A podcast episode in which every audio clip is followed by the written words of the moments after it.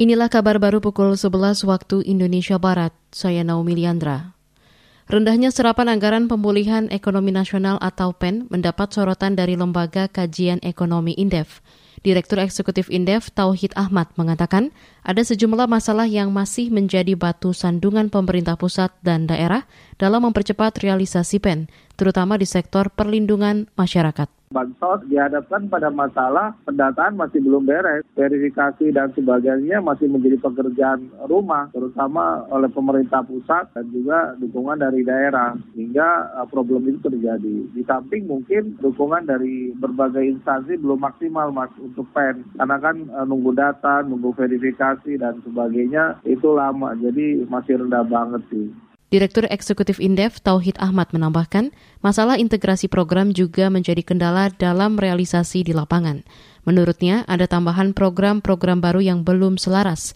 Selain itu, integrasi program juga belum berjalan maksimal, di mana integrasi data antar kementerian memakan waktu lama dan proses yang rumit. Sebelumnya Menko Perekonomian Erlangga Hartarto menyampaikan realisasi program pemulihan ekonomi nasional PEN tahun 2022 hingga 1 April baru mencapai 29 triliun rupiah atau baru 6 persen dari alokasi sebesar 455 triliun rupiah. Kita ke Yogyakarta.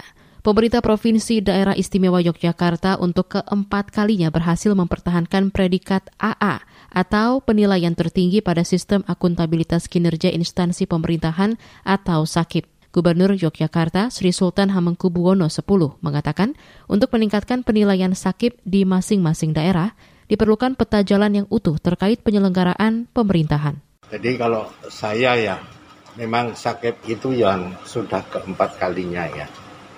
Tapi itu semua di samping ada arahan dari pemerintah pusat, tapi juga ada inisiatif sendiri, di mana pemerintah itu secara keseluruhan belum mampu untuk mendesain, ya, mendesain secara penuh Gubernur Yogyakarta Sri Sultan Hamengkubuwono X mengklaim seluruh aparatur siap berkolaborasi dengan pemerintah pusat untuk menciptakan peta jalan yang utuh tentang penyelenggaraan pemerintahan.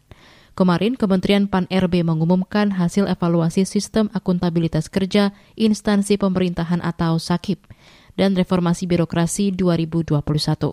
Evaluasi dilakukan terhadap 79 kementerian lembaga, 34 Pemprov untuk SAKIP, dan reformasi birokrasi serta 400-an kabupaten kota untuk sakip dan reformasi birokrasi. Demikian kabar baru KBR, saya Naomi Liandra.